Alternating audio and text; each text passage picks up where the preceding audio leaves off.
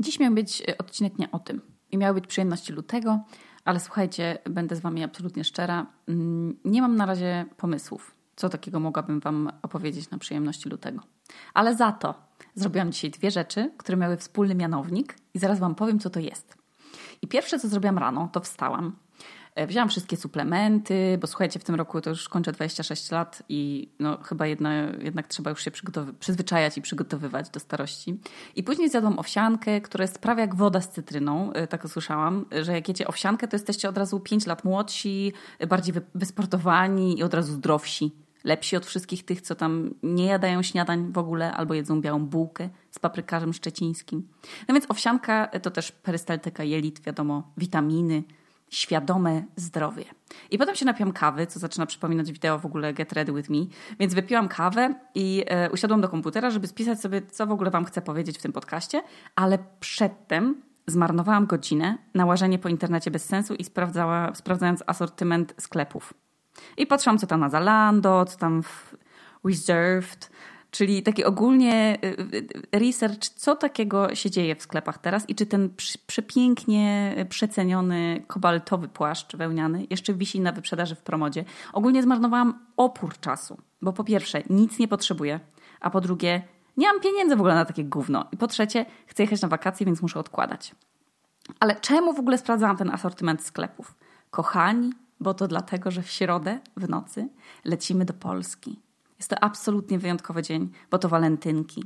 I zawsze przed wyjazdem do Polski mam takie obsesyjne myśli, że Jezu, to jest okazja, żeby sobie nakupić tyle rzeczy. Płaszcz wełniany w cenie jednych zakupów w netto. Przecież to jest okazja. Rossmann, gwarne galerie handlowe, McDonald's, moja najlepsza przyjaciółka Hebe, mój najlepszy przyjaciel Semilak.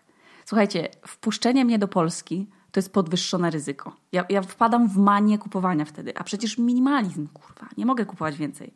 No więc wymierzam sobie policzek i tak te gaszę te wszystkie strony i, i zaciskam zęby i ma, tak myślę o ograniczeniu plastiku i o tych oszczędnościach i pęka mi serce, bo na maksa chcę ten płaszcz i te, te, te gówna z tych sklepów.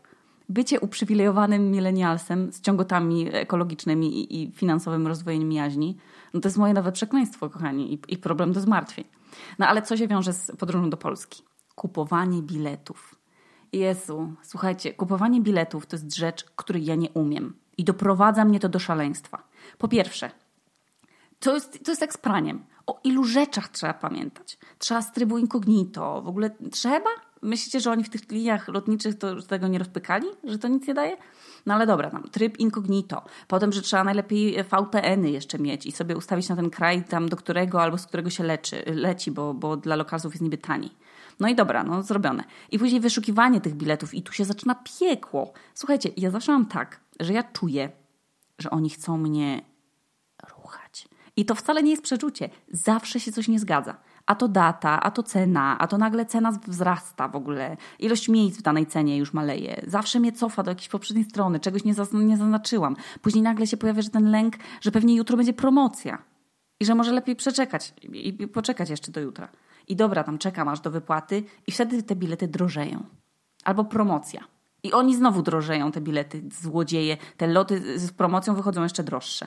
No więc klikam, dobra, tam już kupuję, żeby tu mieć już z bani. Co za w ogóle farsa, że to wszystko trzeba w Wizerze dopłacać do wszystkiego, kurwa. Za miejsce, za kocyk, za prawa każdego człowieka, no, żeby na przykład móc wejść na pokład jak człowiek, a nie w jakiejś kolejce, która nie przypomina kolejki. Więc no, no, trzeba dopłacić do wszystkiego, do, na gwarancję przylotu na czas. Przecież na Islandii wiadomo, sztormy, może lot być opóźniony, więc lepiej wziąć, no bo później ci oddają 100 euro. No i ten ciągle ten stres, że a może z innego miasta jest taniej, a może lepiej w tygodniu, y, o której trzeba być na lotnisku, czy może jedna trzecia ceny taniej, ale z przysiadką w Hongkongu, y, czy wylot o, o 0040 to już znaczy, że 0040 to już się zmienia data, czyli to jest czwartek, czy ze środy na czwartek i tyle problemów i stresów z tymi biletami. W ogóle szukanie biletów na święta to już jest w ogóle jak bycie oplutym przez linie lotnicze, bo oni zamiast zajebać jakąś wielką promocję i kampanię wizerunkową, że oto łączymy naszych klientów, są święta, jesteśmy tacy dobrzy, bilety na święta są tańsze, podstawiamy więcej samolotów dla was, przewieziemy was w normalnej cenie, bo święta to rodzina. To oni nie. To oni podnoszą ceny jak Grinch, kurwa. Ludzie muszą odkładać dwa miesiące, żeby zapłacić półtora kafla za bilet do Polski na święta. Przecież już się bardziej opłaca polecieć do ciepła niż, niż do, na święta do, do, Polski. I podnosi mi to tak ciśnienie, bo absolutnie nie ma się na to wpływu. A ja nienawidzę rzeczy, na które nie mam wpływu. No i ta, ta niesprawiedliwość tu też wchodzi, że to uczucie takie, że ktoś mnie rucha, a ja muszę i tak skorzystać z jego usług.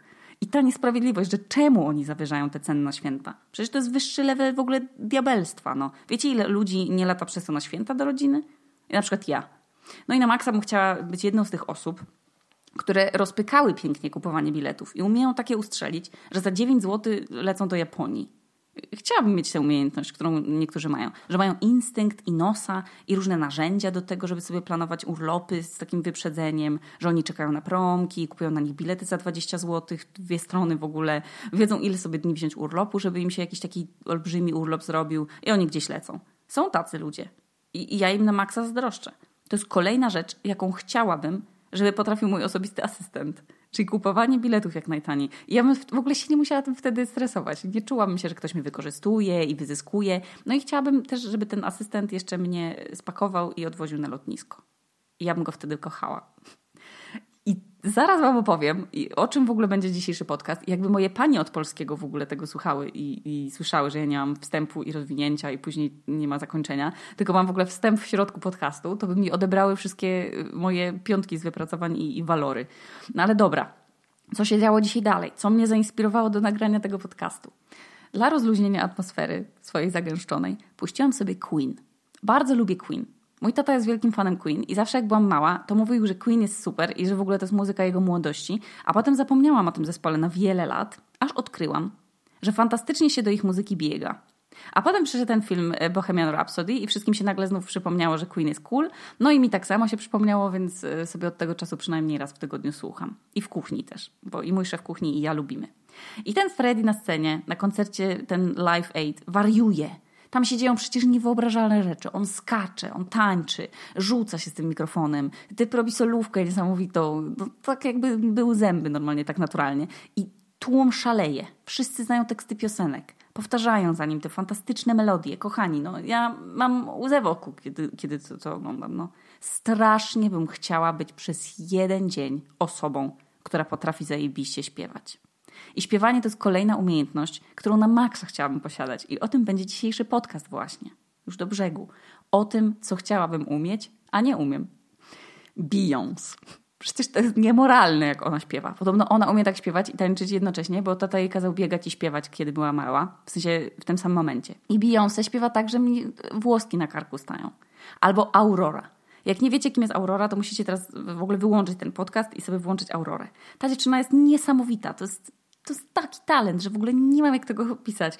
Ona robi takie rzeczy, z taką czułością śpiewa, z takim mistycyzmem jakimś. Ona jest tak mistycznie wspaniała. Ona jest tak zorza polarna muzyki, faktycznie. I potrafi tak zadrżeć, a potem tak, tak wzniośle się wbić do góry. No ludzie, no to jest przepiękne. Aurora. Aurora. No albo już będąc w ogóle na północy, no bo Aurora jest chyba z Norwegii, to przeskoczmy do Szwecji. I ze Szwecji są takie dwie dziewczyny i nazywają się First Aid Kit i to są siostry. I po pierwsze, zaskakuje mnie, jak to jest w ogóle możliwe, że siostry ze sobą spędzają 24 na 7. I piszą razem piosenki, i śpiewają, koncertują. Przecież ja i moja siostra Marta, mimo mojej miłości do niej, my byśmy się zabiły pewnie przed pierwszym koncertem, gdzieś na festynie letnim. Bo byśmy obie miały takie lęki, że jedna by drugą butem wypychała na scenę, żeby powiedzieć, że nie zagramy. To, to, by, było, to by była katastrofa. Ale te siostry, dobra, one mają takie głosy. No to jest niepoważne, żeby ludzie mieli takie głosy. Jak ja nie wierzę w Boga, to jak wyjaśnić to, że ludzie mają takie dary? Skąd to? Czy, czy, czy ja w kolejce po talenty stałam w kolejce po nieprzydatne umiejętności i dostałam taki worek, gdzie jest na przykład gotowanie ze śmieci? Dlaczego? Albo Ariana Grande. Ludzie, przecież to jest zjawiskowy głos. Ona jak robi to takie... To ja rozdziałam buzię. Chciałabym powiedzieć też, że ja sobie kupiłam w styczniu perfumy Ariany Grande, co się nazywają Księżyc. I kiedy już wszystkie te zapachy, jakie posiadam, to jakieś pieprzne, dymne, y, pachnące smogiem, to teraz mam jedne kobiece i urocze i one są sygnowane imieniem Ariany Grande. I można je pewnie nawet kupić w Rosmanie czy wszędzie. Nie wstydzę się tego. Kocham te perfumy. No więc ci wszyscy ludzie, oni mają talent do śpiewania. Ja mam taką fantazję, że sobie przepięknie śpiewam, że w ogóle bez żadnego problemu, jak wchodzą te wysokie tony, to ja tak naturalnie, w ogóle bez marszczenia brwi i dławienia się śpiewam te tony. I to jest kolejna rzecz, którą chciałabym umieć śpiewać pięknie. Boże. No i tak samo na przykład jak chciałabym umieć w podatki i lokaty i polisy i, i filary czegoś i inwestycje. Słuchajcie, ja wiem, że to jest wiedza, którą się da samodzielnie pewnie posiąść, ale nawet jak się zapytałam mojego taty, jak mam odkładać na emeryturę, w sensie w, jakiej, w jakim miejscu, w jakim banku czy, czy czymś, to on się w ogóle nie orientował. To tak samo jak z podatkami na Islandii. Podatek wynosi 36%. No to jest jakby no, proste jak drut, tak? 36 czy 37, nieważne. I powinno się po prostu odejmować sobie te 30 parę procent z pensji, pomnożyć to razy 12 miesięcy i sprawdzić, ile się zapłaciło i czy ten podatek na pewno jest zapłacony. Ale nigdy tak nie jest. Słuchajcie, to jest z wypłatami, to jest jakiś cyrk, tu się na maksa trzeba pilnować. I za każdym razem ta wypłata wygląda inaczej. Tego się nie da zrozumieć. Dwa razy w roku dostaje się takie bonusy letnie i zimowe i to jest, to jest ekstra, no nie? Ale co jakiś czas z konta bankowego znikają magicznie jakieś pieniądze, nie wiadomo na co. I potem się okazuje, że to jakieś dodatkowe podatki, podatki na kościół, yy, na uniwersytet, można sobie tu akurat wybrać, ale też podatek telewizyjno-radiowy oraz opłaty na ośrodki leżenia uzależnień i jeszcze na seniorów. Nie, że leczenia seniorów, tylko na domy starców. I potem coś, coś tam na konto znowu wraca, jakieś 400 koron. Nie, w ogóle nie wiadomo za co. Za jakieś, nie wiem, może przewalutowanie, no nie wiadomo za co. I słuchajcie, niby te podatki płaci pracodawca albo no, związek zawodowy, jak się jest na zwolnieniu. Wszystko tam niby jest na tych miesięcznych kartkach z rozliczeniami, ale jak dochodzi do corocznego rozliczenia, to ja muszę dopłacać. No jak to jest możliwe? Kto mi to w ogóle wyjaśni? Jak to jest możliwe, że, że co, że oni stworzyli jakiś nowy podatek, którego ja nie zapłaciłam? W ogóle nie jest to dla mnie logiczne. I moim zdaniem, i tu wymyślam kolejny startup, kochani, nie róbcie tego, bo was za to ścignę. Właśnie mi to przyszło do głowy dzisiaj, że powinny być takie jakby takie kursy, albo kanał na YouTubie, albo nie wiem, podcast, nie, nie wiem jeszcze co, co, z takim kursem wkraczania w dorosłość. I tam powinna być totalnie skondensowana wiedza, której ja nie mam, więc ja bym tego nie mogła prowadzić. I tam by jacyś fajni ludzie, których się miło słucha, oni by opowiadali. I odpowiedzieliby na te wszystkie pytania, na które my wszyscy i inni młodzi ludzie nie znają odpowiedzi. Czyli na przykład po, po co jest polisa, jaką wybrać w ogóle i kiedy to się robi. Czy powinno się mieć ubezpieczenie i potem jak się zgłosić, jak, jak się stanie coś z tym ubezpieczeniem. Co się robi, kiedy na przykład ktoś umiera trzeba zrobić ten pogrzeb. Ja nadal tego nie wiem. Albo co się robi, jak się nie ma pracy i trzeba jej szukać, ale trzeba się zgłosić po nią do urzędu pracy. I, a co jak się w ogóle zostawia się na ogóle partner albo partnerka z dzieckiem, jak w, na wspólnej. Natalia wyszła. I, nie, I co gdyby Marek został sam z tym dzieckiem? Jakie są w ogóle next stepy w, w takich, takich sytuacjach? W jakiej y, walucie na przykład się trzyma oszczędności i, i czemu? To, to, to, no, to są naprawdę trudne rzeczy. No, co zrobić, jeśli na przykład jest y, ofiarą mobbingu albo molestowania, albo, albo się wie, nie wiem, o, o popełnianiu przestępstwa, albo się chce kupić samochód. W ogóle takie kursy powinny być super zrobione i fajnie poprowadzone. I powinien powstać w ogóle taki trend, żeby dzieciaki to powinny chcieć nawet dostawać na osiemnastkę zamiast biletów na Openera. To by się jakoś modnie nazywało co, co, no trzeba by było to jakoś sprzedać. I ja bym na maksa chciała umieć te wszystkie rzeczy i je wiedzieć, bo to by było takie kompendium wiedzy. Dzięki temu ja bym już miała jakieś oszczędności na starość, albo polisę, albo jakąś inwestycję. Ja wiem, że, te, że są kursy różne o odkładaniu miliona, są podcasty, jest Michał Szafrański, którego wszyscy polecają, który uczy, jak oszczędzać pieniądze, ale to jest dla mnie nadal za wysoki próg wejścia. Ja bym musiałabym poświęcić tej książce i, i temu blogowi jakieś ze dwa tygodnie w skupieniu. A jestem z generacji młodych, bezczelnych i tych niecierpliwych i szybkich i chcę iść na łatwiznę, no chcę książkę, gdzie mam od, u góry coś i potem te strzałki w dół. I, I mój kolega Katper mi powiedział, że to się nazywa profesjonalnie schemat blokowy.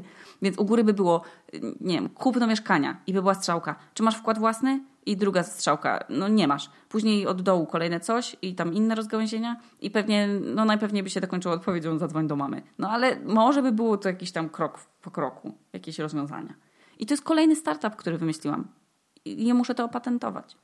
I kolejna rzecz, którą chciałabym umieć, to patentować rzeczy. Nie, żartuję. Chciałabym y, doprowadzać rzeczy do końca. O matko, czyli jak sobie powiem A, to ja muszę do, doprowadzić do Z, a nie, że rezygnuję w połowie. Albo, że porzucam. Ten podcast to jest jedyna rzecz, którą robię rzeczywiście. Bo moją intencją jest taki trwały zapis rozwoju swojego mózgu i, tego dorastania. I chcę to tego posłuchać, jak już będę mieć demencję i się zadumać, co z tych uczuć albo z tych wspomnień, które tutaj tworzę, przetrwają. No bo wiadomo, że z tych zdjęć w telefonie robimy, nie wiem, kurwa, z 4 tysiące rocznie. I nie wystarczy nam życia, żebyś spośród w ogóle tych setek nieudanych selfie albo zdjęć tego, co ugotowaliśmy, albo jakichś witryn sklepowych, czy tam jakichś memów, czy rzeczy na ulicy, no to nie uda nam się na starość odnaleźć tych fajnych zdjęć, które rzeczywiście byśmy sobie chcieli obejrzeć. A mało kto wywołuje w dzisiejszych czasach zdjęcia. No i trochę do tego służy mi Instagram na przykład i wrzucam tam zdjęcia, które z czymś mi się kojarzą i, i też lubię wracać, do tych starych zdjęć. Ale doprowadzanie do końca swoich projektów i zainteresowań, Boże, to jest, to ja bym to chciała umieć, no. Chciałabym się nauczyć pływać. Albo zacząć pisać serial, którego schemat już mam rozpisany, ale nie, nie, nie mogę, no nie mam też czasu, czy nie, szukam wymówek teraz, no. Pewnie jakbym chciała to zrobić, to bym każdą sekundę na to przeznaczyła wolną. Jednocześnie chciałabym na przykład w końcu zacząć e, korzystać z prawa jazdy, uczyć się islandzkiego więcej i, i nie rezygnować z tego, nie rzucić terapii i wszystko, co sobie postanawiam, no to wytrwale to robić. A mi przychodzi lenistwo albo nowy pomysł, potem mi przychodzi depresja, nie robię tego, potem człapię, zanim się wyprostuję, a później zapominam o tym. I ta wytrwałość i cierpliwość to są kolejne rzeczy, które chciałabym umieć. I totalnie bym chciała jeszcze umieć fizykę. Czytam teraz taką super przepiękną książkę, którą mi wysłała mama. I to jest książka, która ma już 30 lat chyba. Jej tytuł to Pan raczy żartować, panie Freeman. I jest to książka napisana przez znanego fizyka, noblistę i jednego z, w ogóle ze znańszych na świecie przy Einsteinie i, i, i Plancku i Bellu. I jest to fizyk znany z tego, że był, poza tym, że był fizykiem, to jeszcze był nietuzinkową postacią. I od najmłodszych lat on był w ogóle zainteresowany wynalazkami, wiecznie robił w swoim pokoju eksperymenty różne. Jego pokój to, to wręcz było małe laboratorium. Jestem dopiero w jednej trzeciej tej książki chyba, a już się nie mogę codziennie doczekać, aż się położę do łóżka i będę mogła czytać przed snem.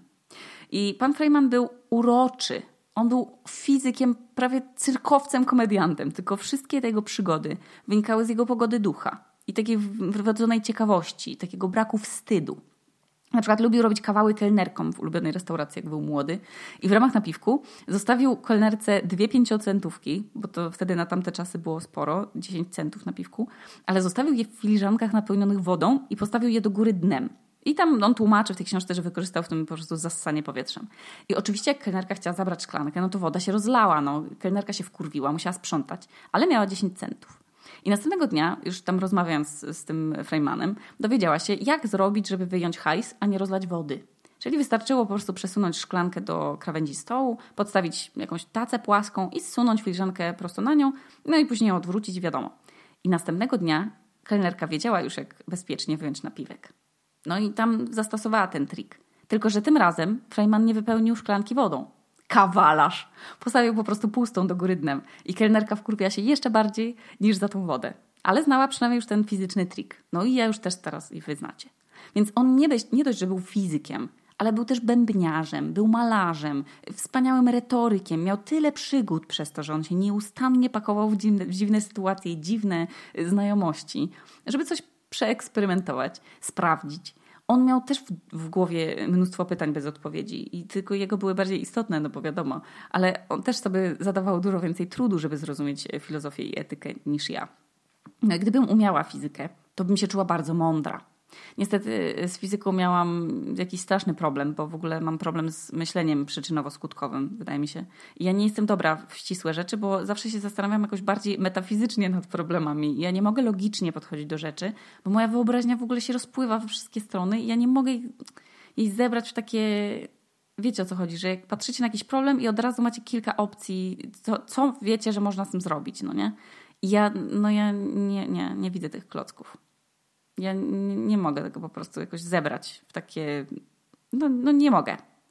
Ja zaczynam w ogóle od dupy strony i jak widzę jakieś zadanie z fizyki na przykład, to, to jak się nie, nie da trzech danych podstawić pod, pod wzór, nie wychodzi wtedy wynik, no to ja w ogóle go nie robię wtedy.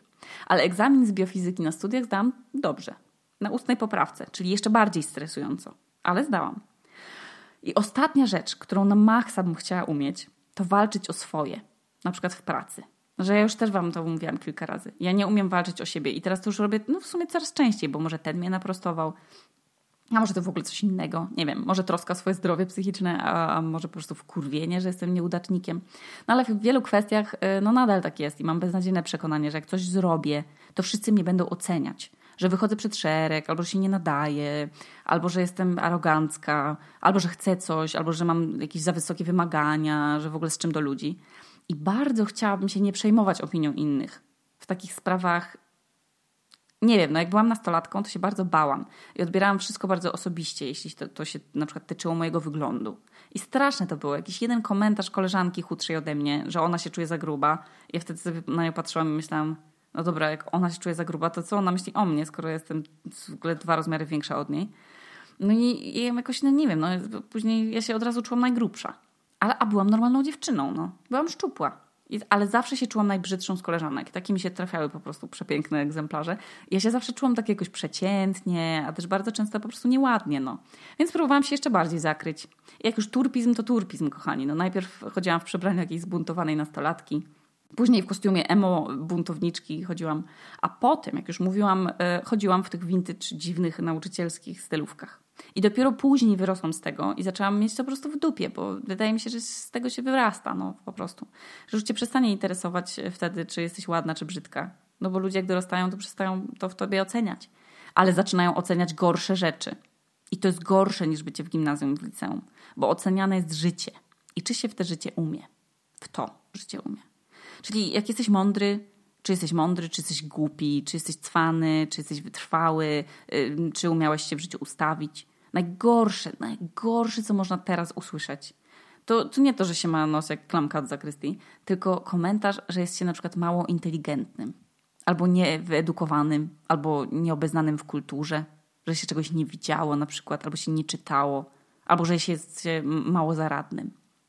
Albo takie podcinające skrzydła rzeczy, że na przykład jakieś stanowisko jest nie dla ciebie, albo że już jest za późno, żeby znów y, iść na studia, albo się przebranżowić, że szklany sufit, że się podjęło głupią decyzję. Nie, to jest w ogóle najgorsze, co można usłyszeć w ramach obelgi. To jest to, że się zmarnowało na coś czas. Na studia, na bycie z kimś w związku, na jakąś pracę, w ogóle zmarnowany przez nas czas, wytknięty przez kogoś innego, to jest w ogóle gorszy policzek niż, niż usłyszeć, że jest się, nie wiem, płaską deską w gimnazjum. Całe życie jesteśmy oceniani i ja bym na maksa chciała się nauczyć nie przejmować i się nie bać ocen innych ludzi. Tak do końca. Tak finalnie.